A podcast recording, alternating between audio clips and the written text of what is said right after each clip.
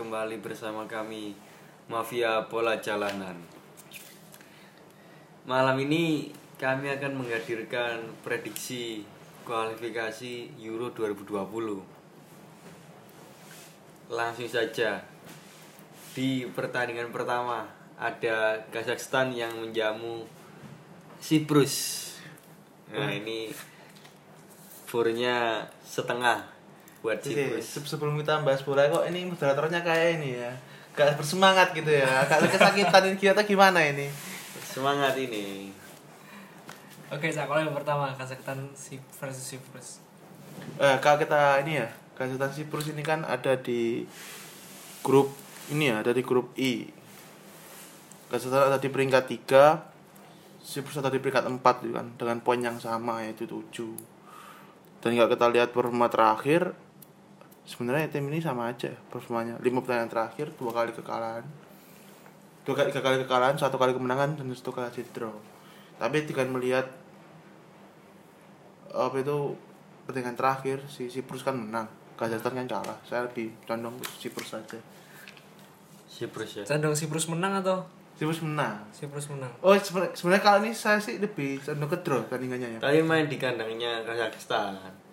Tapi saya Gimana? Siprus Ya, karena sebelumnya ASEAN handicapnya Kazakhstan ngefurus setengah ya ke Cyprus. iya iya Gimana? Komisi pemain Cyprus saya ini sebenarnya laga ini laga laga kuda hitam ya papan bawah Iya. di grup I juga untuk Kazakhstan versus Cyprus dengan performa yang sama poin yang sama juga dari Sakola lebih Cyprus lebih Siprus gara-gara ASEAN handicapnya Cyprus dibeli for setengah Enggak, lebih kepada ini juga kan sebenarnya secara kekuatan kualitas pemain sama ya. Di laga terakhir Siprus menang gitu loh. iya Kayaknya masih punya energi positif lah. oke Kazakhstan kan menang di di, di kala sebelumnya gitu. iya oke Jadi saya- lebih condong Siprus untuk menang di laga ini. kalau dari saya sendiri sih partai Kazakhstan versus Cyprus dengan ASEAN handicap setengah yang diberikan Kazakhstan ke Cyprus saya lebih milih Kazakhstan Kazakhstan soalnya Kazakhstan di sini pertama dia main di kandang Mm. terus performanya poin juga sama dengan Cyprus dengan ASEAN handicap setengah Kazakhstan masih bisa menang satu bola walaupun skornya nanti mungkin bisa 2-1 atau 3-2 Lumayan lah ya, Iya. menang setengah. menang menang full menang full kan Oh, ASEAN iya. handicap setengah Oh, ini kalau oh, ASEAN iya. handicap se- seperempat menang setengah jadi ini untuk Kazakhstan Cyprus bisa menang Si- menang Kazakhstan satu bola dengan mungkin jumlah gol yang over dari over 2 over 2 over 2 setengah Oke, oke, oke, oke, oke. Terus next, next. partai selanjutnya Lanjut Austria yang menjamu Israel. Ini dikasih satu seperempat Israel. Gimana? Austria, David Alaba dan kawan-kawan ya.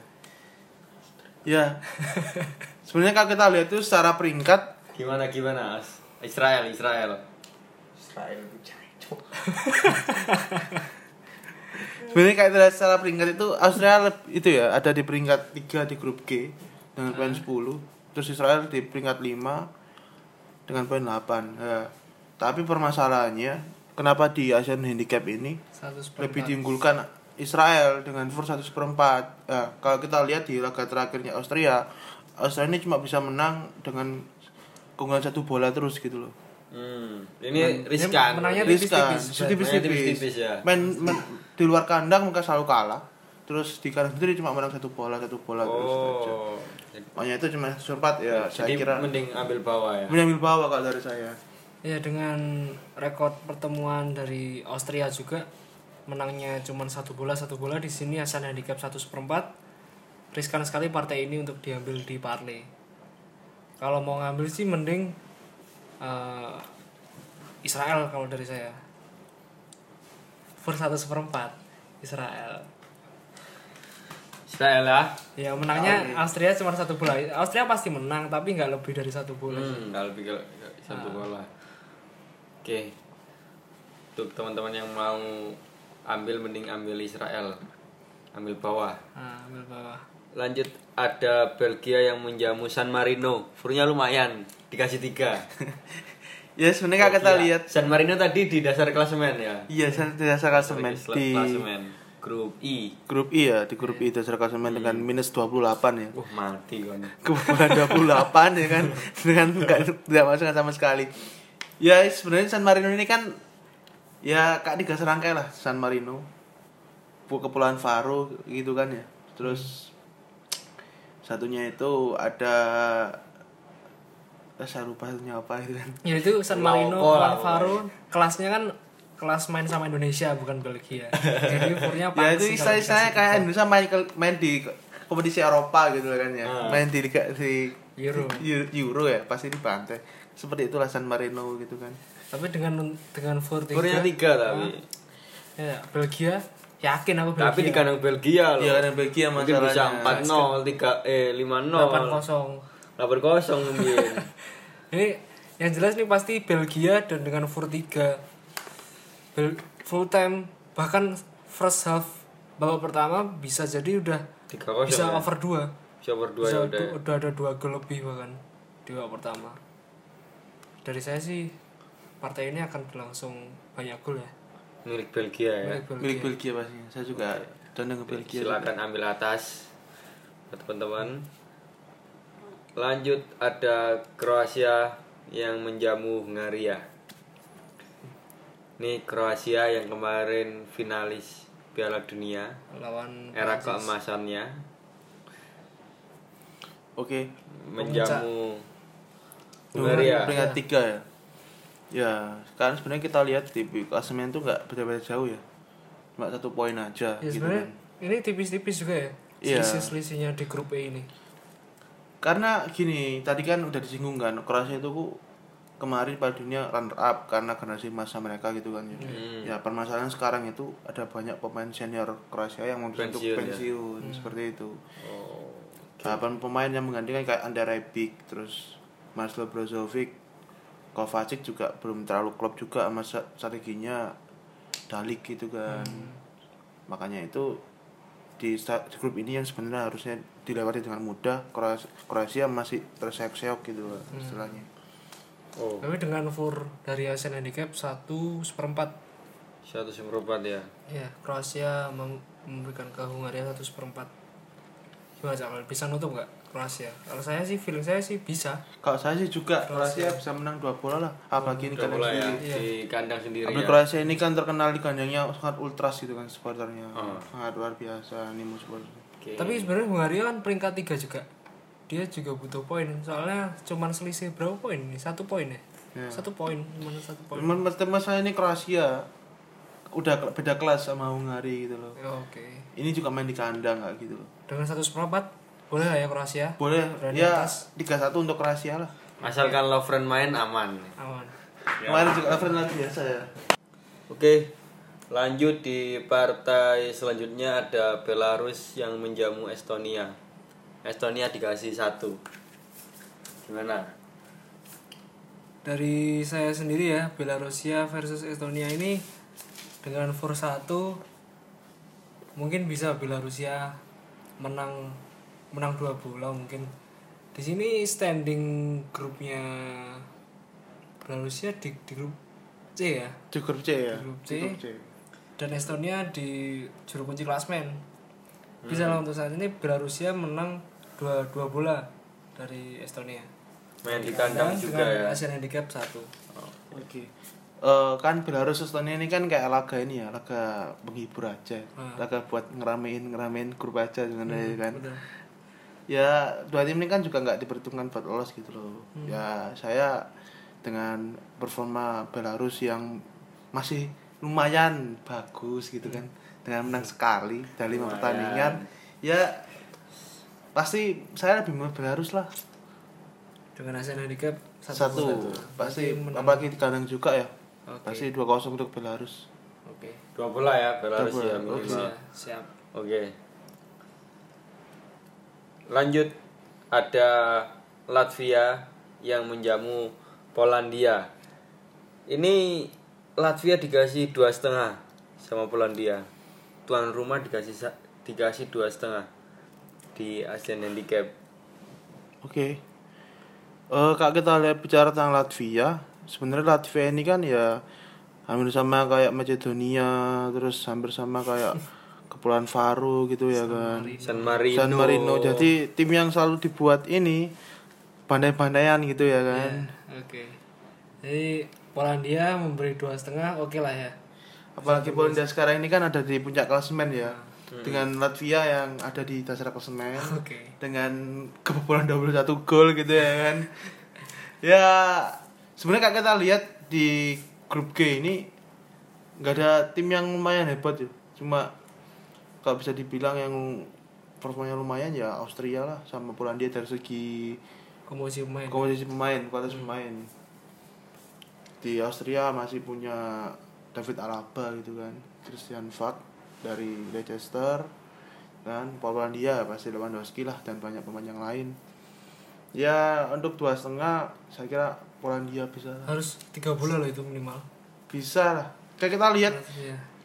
Ini kan dari 6 match kebobolan 21 gol otomatis satu golnya Latvia kebobolan 3 gol lebih dong Oh iya, pukul ratanya gitu. Iya, pukul ratanya ratanya kan gitu kan. Jadi dari 6 match dari satu match kebobolan 3 gol ya untuk dua setengah saya kira masih bisa lah Polandia. Oh, dan ini masih ada empat pertandingan. Mungkin Polandia juga mengamankan peringkatnya ya. Iya, ya. Buat lolos ke Euro. Oke, berarti bisa tembus lah ya. Atas berarti ya. Oke. atas. Polandia lawan Latvia dengan fur dua setengah. Sepakat saya dengan Zakoil pegang Polandia. ASEAN handicap dua setengah. Oke. Lanjut ada Belanda yang akan menyambung Irlandia. Ini akankah Belanda mengkudeta? Karena ini biasanya handicap juga leg ya. Fur dua. Eh, for dua ya? Oh enggak, leg ini sorry. Belanda ngasih dua buat Irlandia. Nah, Sementara kalau di standing Belanda ini di bawahnya Irlandia tuh kan. ah, Ya, Irlandia Utara. kalau dibilang di bawah sebenarnya kan Belanda juga belum belum belum main satu satu match ya. Oh iya, belum ya matchnya masih match empat, ya. yang lainnya masih lima gitu loh. iya. Terus kita lihat juga faktor Irlandia ini kan bisa poinnya sebanyak 12 itu kan cuma menang lawan Belarus, Oh, lawan Estonia. belum ketemu ujian belum berat ya. ketemu ketemu Jerman pun mereka kalah gitu loh. Belum ketemu Jerman, Belum ketemu. Belanda. Iya jadi ya kalau apalagi ini kan ini main di Belanda kadangnya Belanda kan di Amsterdam dan dengan melihat Belanda saya kira juga calon juara Euro Hmm. untuk saat ini dengan Fur 2 dengan Bisa lah. squad yang saat ini ya pasti bisa lah. Bisa ya Belanda ya. Cuman Irlandia juga. Cuma Belanda ini kan permasalahan se Belanda ini kan sekarang lagi itu kan lagi bingung komposisi lini tengah yang terbaik gitu loh. Hmm. Dua slot udah pasti dimiliki Frank- eh, Frankie Frankie De Dion, sama Wijnaldum Wijnaldum. gitu kan tinggal satu orangnya ini ini masih kontak-kanti kadang Martin de Roon terus kadang Sturtman juga bisa dimainin Mungkin Van Bukering bisa dicoba ya. Van Bukering. Eh, Van Badim. Van Bakdim. Mungkin kalau yuk di atas kertas Belanda iya bisa menang, tapi untuk Fur 2 kan terlalu berat buat Belanda. Saya nggak yakin Belanda bisa menang dua bola atau lebih. Kan harus lebih dua bola. Kalau dua bola berarti nimpas 2. ya kalau kita lihat performa terakhir Belanda Belanda malah menang 2-4 di kandangnya Jerman Iya, tapi ini Irlandia dia nggak nggak bawa maksudnya nggak nggak ada beban apa pun. Oh, nothing tulus ya dia ya. Itu loh dia main Irlandia. Dia juga menjaga kans peringkat duanya. Hmm. Bisa jadi dia udah main lepas Hmm. lawan Belanda. Terus ada momen dia di peringkat 2 juga. Riskan sih untuk ngambil Belanda di dengan Fur 2.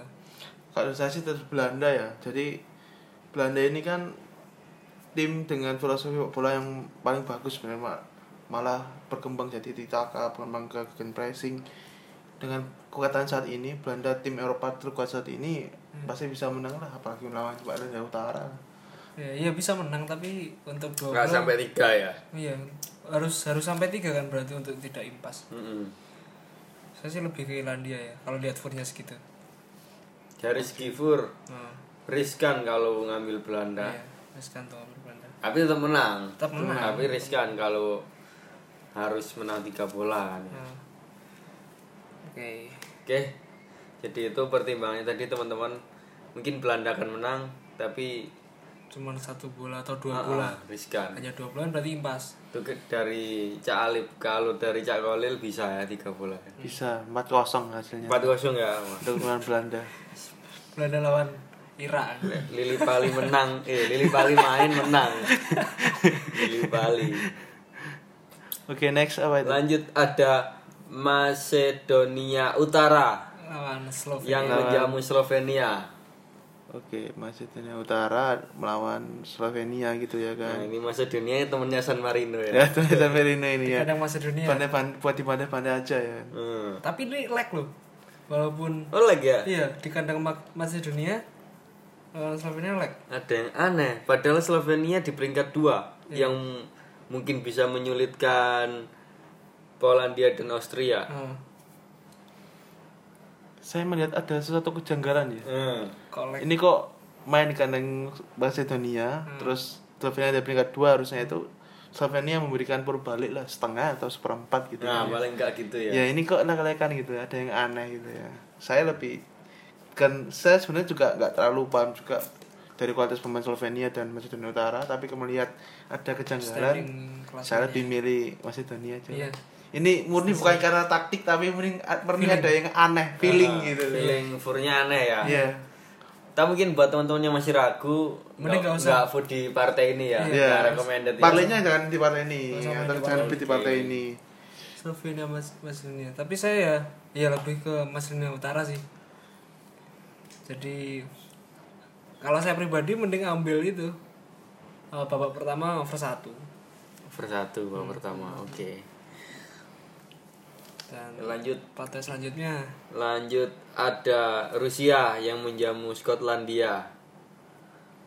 Skotlandia dikasih satu sama Rusia. Rusia tuan rumah Piala Dunia kemarin yang sempat menyulitkan Spanyol juga.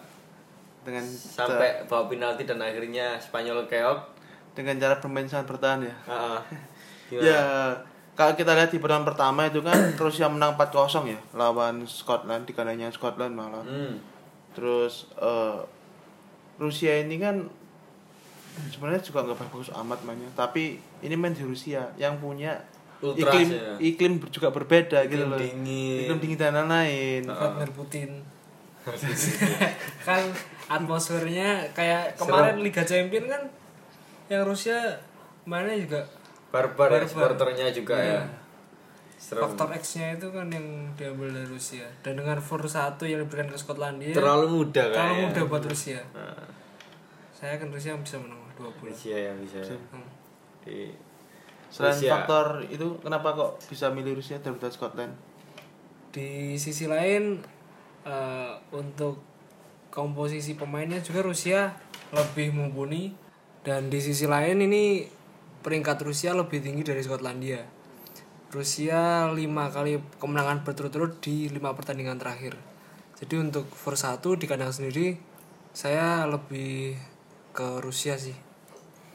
Dalam partai ini. Kalau dari saya sih memang Rusia ya, tapi alasan lainnya adalah ini juga diucapkan juga di dari kapten Skotlandia ya, yaitu Andy Robertson. Dia susah untuk mengulangi performa di klub Hmm. dan performa di timnas seperti itu. Kayak tim Skotlandia ini juga belum kompak amat amat. Hmm. Malah belum dapat ya Iya. Andy Robertson bilang pelatihnya malah masih bingung untuk informasi yang tepat buat Skotlandia Masih bongkar itu loh. pasang ya? masih bongkar pasang dengan Rusia yang konsisten lima kemenangan berturut-turut dan keadaannya sendiri saya kira teman-teman lebih baik dari Rusia, Iya kalau bawaan Skotlandia kan kayak Simon McManamy kan juga bongkar pasang bongkar pasang gitu. malah ambiar gitu. Jadi setuju ya Rusia ya ya menang. Rusia Nah, oke. Cocok. Rusia. Lanjut ada Slovakia yang menjamu Wales. Ini Wales dikasih seperempat sama tuan rumah Slovakia. Oke. Slovakia versus Ini di Wales. grup apa ini? Ini ya Kroasia ya di grup Iya. E ya Grup E. Ini Slovakia di peringkat 2, Wales di peringkat 4. Poinnya terpaut 3, tapi Wales belum main. ya Wales dengan la- pelatihnya Ryan Giggs ya Ah. ini kalau kita lihat mainnya Wales itu ya mirip era mirip MU eranya inilah Ferguson Hmm. benar-benar sepak bola Inggris tapi dengan Cuman Bill ini yang jadi bedanya cuma di kualitas pemain aja seperti itu loh. Jadi Wales apalagi itu kan sekarang banyak dihuni bintang-bintang muda itu kan. Harry Wilson terus dengan Gareth Bale di lini depan saya kira apalagi di kandang Slovakia gitu kan. Ya saya, saya kira lebih condong untuk milih Wales teman-teman. Wales ya. Wales dan Wales juga malah dikasih sama ya dikasih Slovakia, sama ya. Slovakia. Iya. Saya juga setuju untuk pegang Wales sih. Dengan cuman seperempat ya, Se- eh, ya seperempat seperempat. Bisa Wales menang satu bola oke lah. seperempat Hmm. oke Hmm. masih lumayan di bawah Masih Andorra lumayan gitu lah. kan. Yang dikasih yang dikasih Andorra ya tadi. Iya. yang dikasih Andorra Hmm. Dan ini di kandangnya Moldova gitu kan. Ya kak dan saya sih gak bisa banyak berkomentar. dengan Andorra dengan Andorra Ya saya juga nggak bisa banyak berkomentar ya. Dan ini saya kira saya lebih baik pilih Moldova aja. Ini kan kayak para saudara ya, gitu ya kan.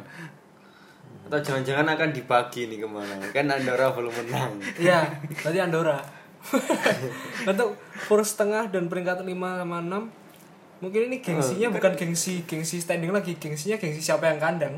Heeh. dan ini juga nggak beda jauh kan Nggak beda tadi jauh, iya. lima enam terus main di kandang Andorra dikasih setengah juga Hmm. kalaupun seri masih dapat kan lumayan Andorra.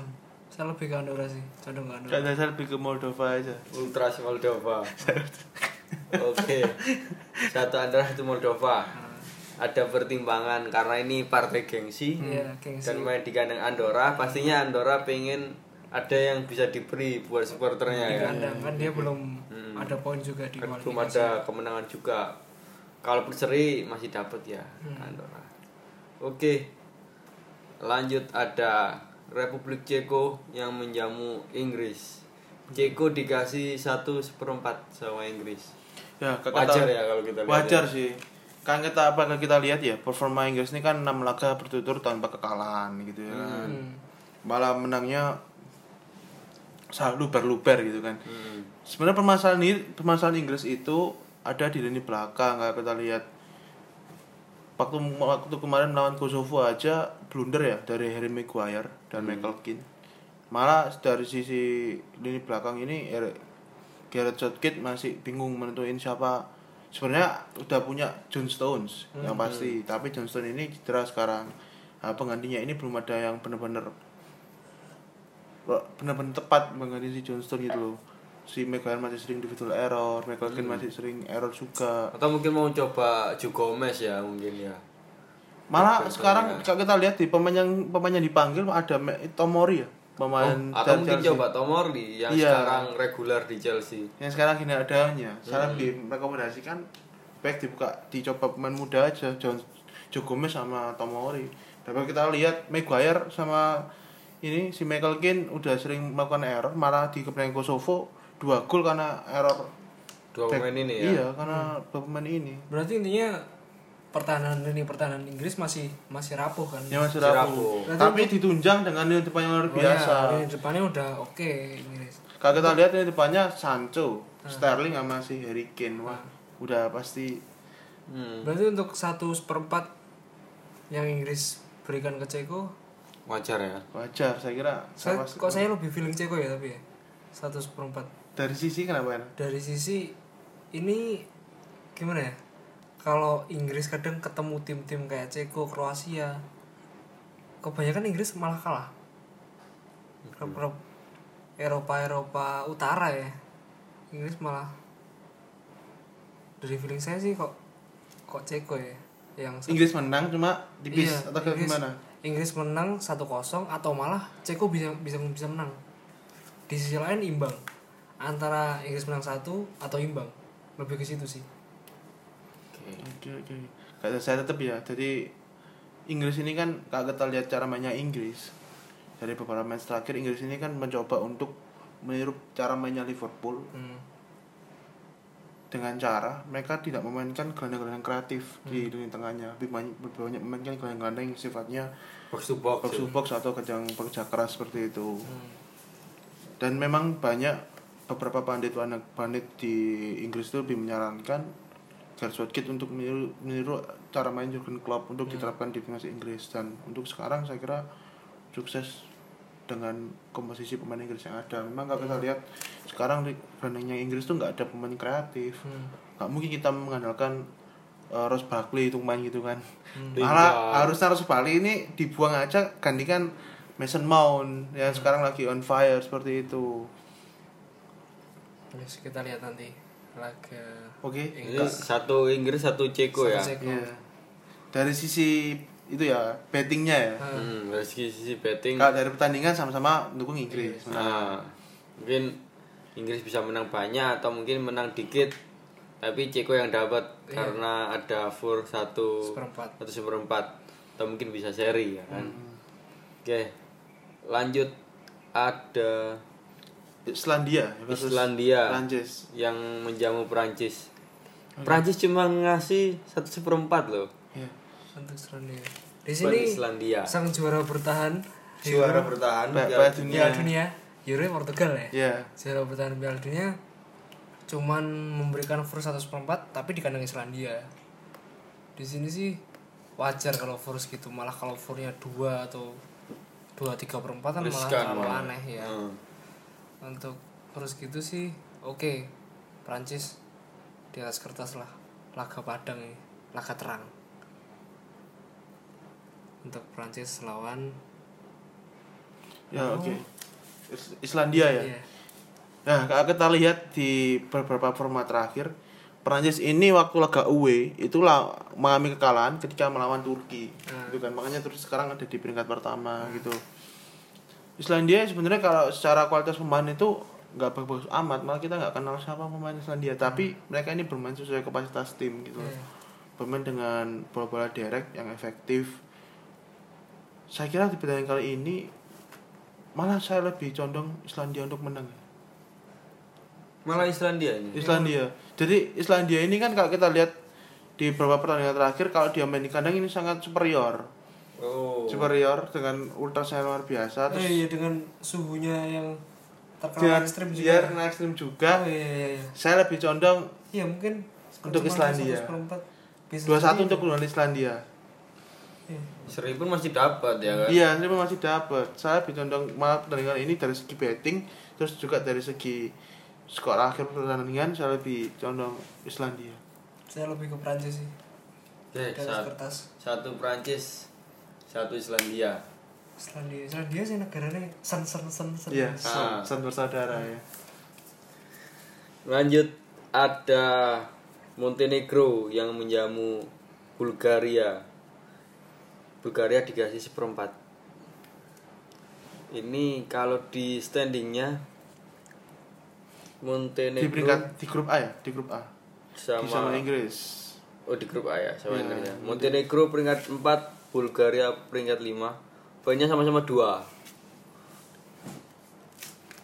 dengan Iya, dengan Fur Dengan Fur tadi Seperempat eh, ya? Seperempat buat Bulgaria. Saya juga dari pertandingan ini kan saya juga gak terlalu banyak berkomentar karena timnya ini juga sama-sama sah. Nggak, nggak pernah denger ya. Kau benar benar juga gitu ya kan. Kalau kita lihat juga dari ini dari performa terakhir juga tim ini belum meraih- meraih kemenangan gitu kan ya. Dengan tapi Bulgaria lebih baik lah dengan kebobolan 5 gitu kan kebobolan 11 gitu kan masuk memasukkan 5 gol ya dari statistik itu saya lebih condong untuk milih Bulgaria lah Dari statistik kebobolan lebih sedikit tadi ya. Iya, saya juga nggak bisa banyak berkomentar. Bulgaria dan Bulgaria. Montenegro. Ini Montenegro berani ngasih seperempat loh. di kandang soalnya. Di kandang ya. Di kandang, faktor kandang sih. Mending ambil Bulgaria ya. Kalau iya sih, ya ini sebenarnya laga riskan untuk diambil ya antara Montenegro dan Bulgaria. Ini daripada ini diambil terus salah ngerusak laga yang udah bener yang lain tadi malah nggak jadi kan. Hmm. Eh, tapi kalau kita ambil Bulgaria, Bulgaria setidaknya itu masih ada Berbatov di Masih di- main? Masih main, masih main, masih main. Jadi setidaknya masih ada pemain yang dikenal lah istilahnya kan. Berbatov kan sekarang main di ini kan di Monaco. Hmm. Oke lah. Daripada Montenegro kita nggak kenal siapa-siapa gitu kan no comment sih buat untuk aku ini Montenegro Bulgaria tapi Iya. ya feelingnya feeling feeling Montenegro untuk taktisnya Oke. benar Tapi nggak recommended ya buat Iya. ngambil. nggak ini. nggak recommended ini nggak recommended recommended buat ya. main parlay nggak recommended Oke. Lanjut ada Portugal yang menjamu Luxembourg. dengan Portugal Tiga. tiga, ngasih tiga main di kandang. Ronaldo masih naik, Bernardo lagi malah naik naiknya naik naiknya juga. Gimana? oh nggak kalau saya mah berlawan aja jadi Portugal ini itu kan sekarang lagi coba untuk banyak menyimpan Ronaldo Oh malah dicoba disimpan ya? coba disimpan jadi Bapak Ronaldo kita lihat di pengumuman terakhir Timnas Portugal dia dipanggil tapi kita kita lihat beberapa match terakhir Ronaldo ini sering nggak dimainin. Mereka mereka lebih mainkan Joao Felix Gonzalo Guedes sama Bernardo Bernardo gitu ya kan. Malah Portugal ini sering kalau diharapkan untuk menang malah nggak menang. Has, dua hasil sebelumnya juga dia Juga seri ya? draw ya kan. Dua-duanya seri ya? kayak mereka juga masih beradaptasi dengan tanpa Ronaldo gitu loh. Iya pelatihnya kan pasti bongkar pasang lini ya Fernando serang. Santos ya masih Untuk belum bisa gimana agar alur bolanya nggak kebaca untuk Ronaldo terus Ah, ah, nggak ketergantungan Ronaldo ya. Kalau dari saya sih ini berat ya? pasti menang. Portugal menang, cuman berat ya? Cuma nggak sebanyak kalau dari sisi betting juga. susah gitu loh. Hmm. bisa sih ini Portugal menang banyak Namanya. menang banyak empat empat Kalau Ronaldo main ya. Iya Ronaldo main bisa menang empat Tapi kalau prediksi Ronaldo main nggak tiba-tiba? Prediksinya Ronaldo main nggak? Dan kan Ronaldo main di babak pertama terus nanti udah digantikan di menit-menit 60 menit 70 Tapi kalau kita lihat ini Ronaldo, Ronaldo ini kan lagi ngejar ngejar rekor untuk jadi pemain top skor sepanjang terbanyak sepanjang masa untuk semu- untuk semua pemain. iya iya Jadi sekarang dia ini kan berada di bawah pemain Iran kalau nggak salah. Nah, Eh, tertinggal sekitar 7 gol. nah. Bisa aja kemungkinan Ronaldo main gitu. kan. Kalau Ronaldo main ya 3 gol itu saya kira sa- sangat inilah sangat ke- sangat bisa lah. Hmm.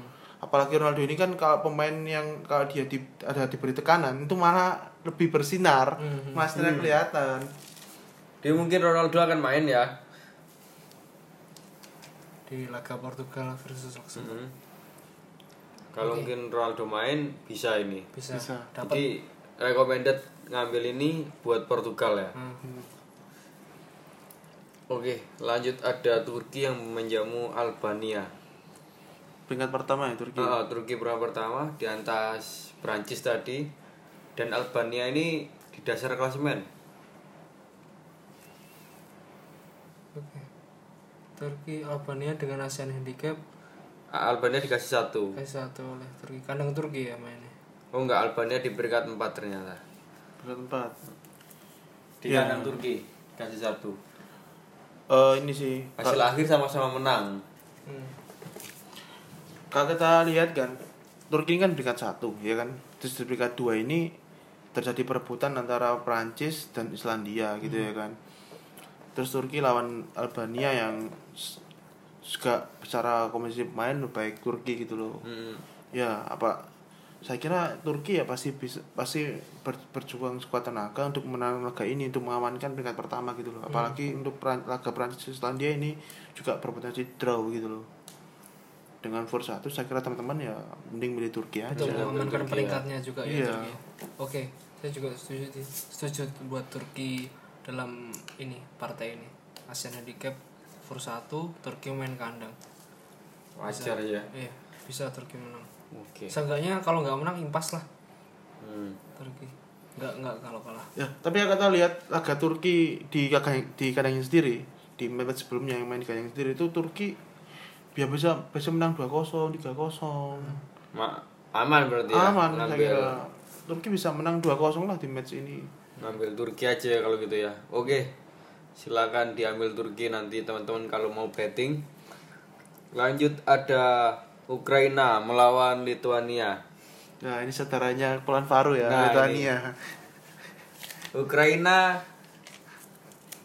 ngasih Dua setengah. dua setengah loh gede juga tapi main di kandang Ukraina Nah, kalau kita lihat juga Ukraina ini peringkatnya ada di atas Portugal sebenarnya.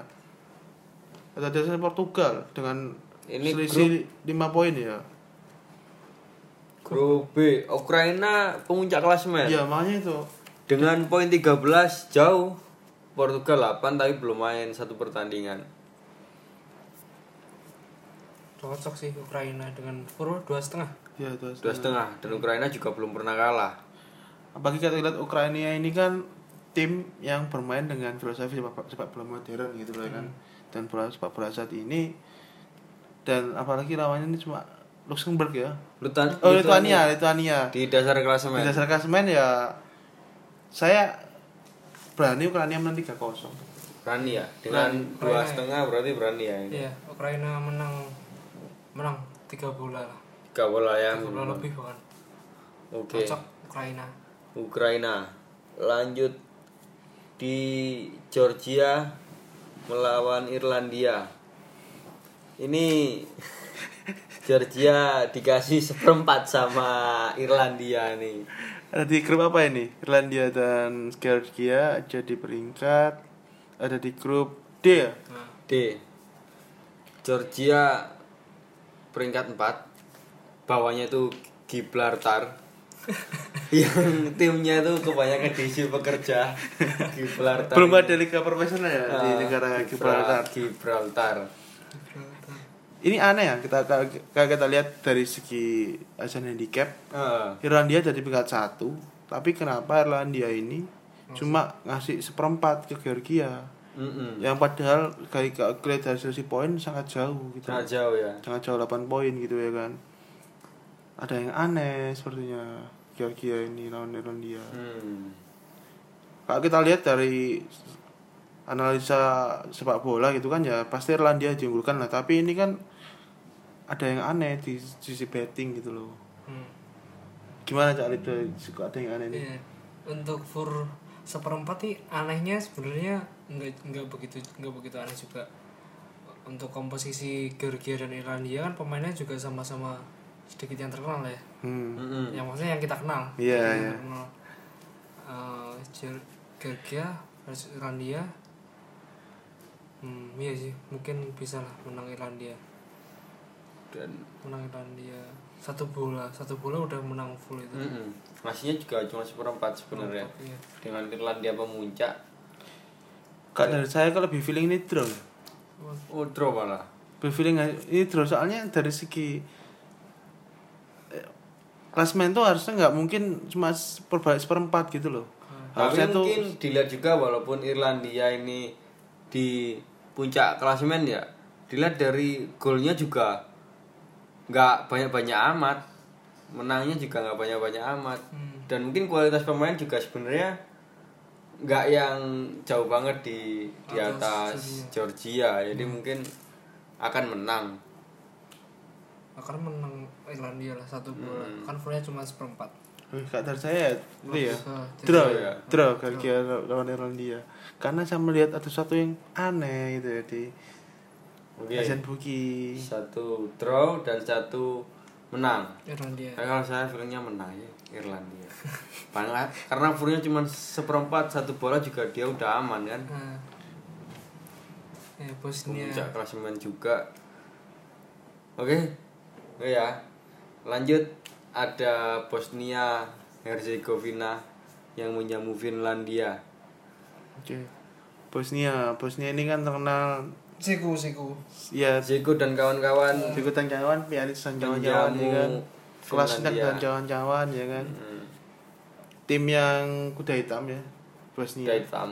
biasanya menyulitkan tim-tim eh negara-negara besar Eropa. Tapi main di kandang cuma Nah, ngasih fur setengah loh buat Finlandia. Nah, kita lihat ini ada di peringkat. Bosnia mana Bosnia? Bosnia Bosnia ada di ini ya Nah, di grup Bosnia C. peringkat 4. Sementara Finlandia di atas. Di peringkat 2. nah ini kan ada yang aneh gitu loh Oh, iya, Bosnia di peringkat 4 malah ngasih fur ke peringkat 2 gitu loh ya saya auto Bosnia mesti auto Bosnia lah Oke, Bosnia ya. Iya. Iya, Bosnia. Oke. Jadi teman-teman nanti kalau mau ngambil partai ini silakan ambil Bosnia. Lanjut ada eh dari tadi kita belum nemu big match ya dari tadi. Iya. Belum big match. Belum big, big Partainya match. masih partai hiburan ya. Eh, partai hiburan. Lanjut ada Denmark. Ah ini lumayan Denmark Ah, ini lumayan lawan nih. Swiss. Di kanannya Denmark. Denmark ngasih seperempat buat Swiss. Ya, Swiss ya. Eh, negara yang berhasil mencapai per- perempat final di UEFA Nation League itu kan. Hmm. Terus lawannya Denmark. Kalau kita lihat di pertandingan terakhir Denmark ini kan juga nggak bagus amat juga. Denmark seri. draw gitu kan ya. Hmm. Terus Swiss ini juga baru main 4, pertandingan, Oh. dua kali kemenangan, dua kali draw gitu. Standingnya Denmark di peringkat 2 9 poin, Swiss peringkat 3 6 poin tapi belum main sekali. baru sekali gitu kan ya. Swiss ini kan eh, negara yang kalau di sepak bola itu hampir sama kayak Bosnia, sering jadi kuda, kuda hitam. Udah hitam buat tim-tim Kuda besar hitam ya. tim- tim besar ya. Saya kira untuk yang ini saya lebih milih Swiss. Swiss ya. Swiss. Ini main dengan bermain di kandang Denmark dan Swiss dikasih seperempat. Iya. Hmm. Kalau saya malah kebalikan dari Cak Olil ya. Jadi Denmark terkenal dengan permainan bola sepak bola bertahan ya Kak Denmark ya. Ya, counter attack-nya Denmark. Saya lebih ke Denmark sih untuk partai ini. Denmark versus Swiss. Di kandang Denmark Kandang juga Denmark. ya kan. Iya. Mungkin Denmark menang tapi nggak banyak sih. Satu, Satu bola. bola. Dua satu atau satu kosong malah.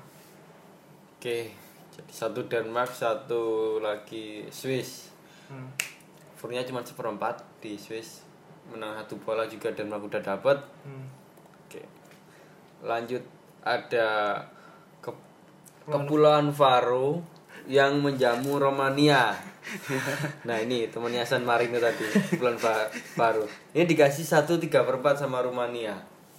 Ya ini Kalau dilihat di standingnya duel, duel tim ini ya, penghibur ya ini. duel tim penghibur Alvaro.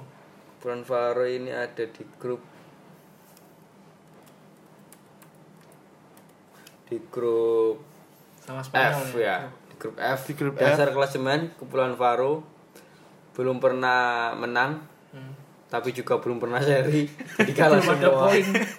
kalau Rumania masih lumayan ada tiga kali menang Satu seri, satu seri dua kali kalah. Ya, di atas kertas kelihatan Rumania sebenarnya lebih unggul.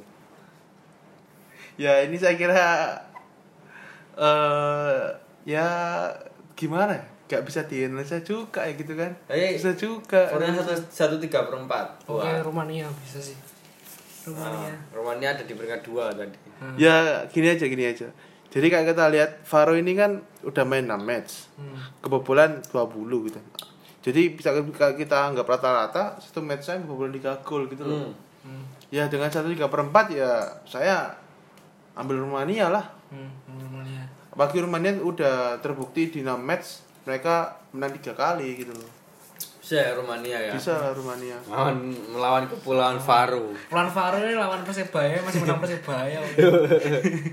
jelas lanjut ada Itali yang menjamu Yunani ini Ya oke. Kesatria Roma Ya. melawan Dewa Yunani Ya kalau kita bilang Italia ini kan sama kayak Inggris. Jadi sama kayak Inggris sama kayak Spanyol. Jadi 6 match belum pernah kalah gitu kan. Ah. Menang beruntun. Apalagi Italia ini kan kalau kita lihat sering menang besar ya. Lawan Armenia lawan empat- menang 4-2 terus lawan Yunani waktu main di kandang Yunani juga menang 4-0 gitu kan. Hmm. Apalagi ini main, main di, di kandang Italia juga. Terus apalagi banyak kalau kita lihat dari beberapa pemain yang dipanggil oleh Roberto Mancini banyak pemain muda Hmm. pemain lagi on fire on fire juga saya kira teman-teman wajib Ambil memilih mobil Italia itu Itali ya Sebenarnya kalau lihat di ini for yang diberikan Italia itu normal, normal sekali. normal sekali Satu ya tiga perempat ya. dengan Itali pemuncak Iya, klasemennya normal sekali satu tiga perempat. keberempat dari Bisa, dapat ya menang, iya. main di kandang juga kan Nah, oke malah kalau fornya cuma seperempat malah malah saya meragukan me- megang Yunani Oke. Itali. Jadi untuk partai ini silakan teman-teman ambil Itali. Lanjut ada Liechtenstein. Nah, apa ini? Liechtenstein melawan Armenia. Wah, negaranya vegetarian. ya. Nah, Armenia ngasih dua. Wah, ini kok Liechtenstein ya. Liechtenstein. Liechtenstein. Nah, itulah. Lalu main lah dia pernah draw sekali ya, kakak San Marino sama Bukan Faro gitu ya kan. ya, Armenia di peringkat tiga. Are- Ar- Armenia Arema Armenia gimana nih? Armenia Dengan fur berapa tadi? Dua, for Armenia memberikan dua. Armenia memberi dua Liechtenstein Kalau menang sih bisa ini ya, karena Liechtenstein juga di dasar klasemen. Kalau lihat apa gol yang dia kemasukan juga 19. Dia udah main Nah, 6 kali. Dibagi juga masih tiga lebih ya kan? iya. Paling ke dengan fur segitu bisa ya kira-kira Rumania Armenia Armenia. eh Rumania Armenia menang tiga bola kayaknya Armenia nih. tapi Saya- main di kandangnya iya Liechtenstein berat sih loh. ah. berat sih untuk for 2 Kalau dari saya sih sebenarnya juga nggak berani ya ngambil laga ini. aku kalau saya sendiri pribadi lebih ke Apa? itu yang kandang Liechtenstein Liechtenstein Hasil ya aja ya. Mungkin Armenia menang cuma satu bola Satu ya. bola. Satu Ah. bola ya. atau bahkan cuma dua bola jadi impas Bas. gimana ngambil Liechtenstein ya atau nggak ngebet di partai ini Iya, iya, oke. oke. oke Soalnya juga secara komposisi pemain Armenia ini juga nggak baik-bagus amat gitu ya kan. mending ambil babak pertama lah per satu per satu per satu Pertama setengah berat ya. bisa loh per satu per satu setengah nanti babak kedua mungkin dua sama Mm-mm. Kan sama-sama ini lagi kualifikasi kan lagi nyoba-nyoba pemain bongkar pasang pemain kan Iya, iya, benar-benar. Terus oke ini nih. Next. lanjut ada Malta menjamu Swedia Nah, sini Malta saudara- dikasih dua setengah ini saudaranya Faro juga ini Malta ini kan ya. Malta Swedia. Satu grup sama Italia ini, Swedia. Oh, Nah. sama Spanyol, sama Spanyol. sama Spanyol Swedia di peringkat dua sementara Malta ada di atas Kepulauan Faro masih lebih bagus karena ternyata sekali menang. Mungkin menangnya lawan Kepulauan Faro karena Kepulauan Faro ini kalah sama semua tim loh. Dia 6 match 6 kalah. Jadi Malta ini masih pernah menang melawan Kepulauan Faro melawan Swedia. Kepulauan Faro ini iya. Kasihan juga dari Faro ini ya. Iya. Harusnya dia pindah dari Eropa aja ya kan. pindah ke Asia Tenggara Ya, Malta melawan Swedia. Kayaknya bi- kayaknya bisa Swedia. Bisa sih. Cuman dengan dua setengah apakah mungkin? ngangkat sih dua setengah Harus tiga bola kan? ya, jadi kalau kita lihat sekarang apa itu komposisi pemain di Swedia itu kan gak jauh-jauh beda amat dari waktu mereka main Piala Dunia gitu ya kan. Bermain secara individual tim yang luar biasa. Secara kompak kompak tim yang luar biasa. Terus pemainnya Pokoknya gede-gede juga besar kan? juga Ah, besar-besar terus pemainnya. pemainnya sangat direct saya kira ya mending ngambil Sweden lah Iya, dua Swedia setengah. ya. Dua setengah bisa. ya. bisa bisa itu Mungkin akan menang tiga bola atau empat bola ya. Ah, Oke. Swedia. Lanjut ada Norwegia yang menjamu Spanyol. laga terakhir ya Laga terakhir Untuk- Norwegia cuma dikasih satu sama Spanyol. jadi ini ada yang aneh nih kenapa Cuma cuma satu ya? gitu Ah, cuma cuma satu ya. kalau kita lihat di, di pertandingan terakhir Spanyol itu cuma menang 2-1 kan di waktu main di Madrid Hmm. lawan Norwegia gitu loh. ya mungkin itu dasarnya kok cuma satu iya tapi kalau kita lihat dari sisi klasemen Spanyol ini kan 6 pertandingan berturut menang terus gitu Hmm. loh tapi kalau kita lihat juga dari pertandingan terakhir Spanyol di kualifikasi ini juga menang besar mereka juga jarang gitu loh iya menang cuma dua bola tiga bola cuma paling tinggi selisih dua bola malah malah kalau dari saya kok lebih condong agak ini menang Spanyol tapi Enggak sampai kalau ya. betting cuma impas Enggak sampai buat menang ya. Iya. Paling satu satu bola ya Spanyol menang ya. iya saya lebih ke Spanyol sih untuk megang Spanyol daripada megang Norwegia ujung-ujungnya impas kalau Spanyol masih mungkin bisa menang dua bola ini Hmm. Kalau Swedia kemungkinannya kalau nggak impas ya kalah ya. Nah, Kalau Swed- Swedia. Eh, Norwegia. Norwegia. Iya, kalau Kalau impas ya nggak kalah. impas ya kalah. Hmm. Kalau Spanyol ada kemungkinan menang ya. Menang. Kalau nggak menang ya impas. Jadi nggak nggak lah kalau sampai draw. Nah, kalau draw ya sesuai bettingnya. Kalau pasti menang menang Spanyol. Cuma Hmm. saya kok lebih, lebih sering saya matakan ini cuma satu bola gitu loh. Tadi Iya. kan impas kita nggak dapat Mending apa-apa. mending ambil Spanyol sih. Atau nggak ngambil. Di partai ini. Eh, kalau saya Oke. pribadi ambil Spanyol. Match terakhir mending ngambil Spanyol atau kalau ragu nggak usah ngambil di partai ini. Hmm. Oke, itu tadi udah semua kita bahas mengenai prediksi kualifikasi Euro 2020. Terima kasih buat teman-teman yang udah nonton, yang udah mendengarkan sampai akhir. Jangan lupa buat like video ini, subscribe, share ke teman-teman, dan kalau ada yang perlu ditambahkan silahkan tinggalkan komen. Terima kasih. Apakah prediksi ini bisa dipercaya? Eh, percaya nggak percaya, lebih baik tidak usah percaya karena percaya hanya kepada Tuhan yang Maha Esa. Mantap. Oke, cocok. Sip.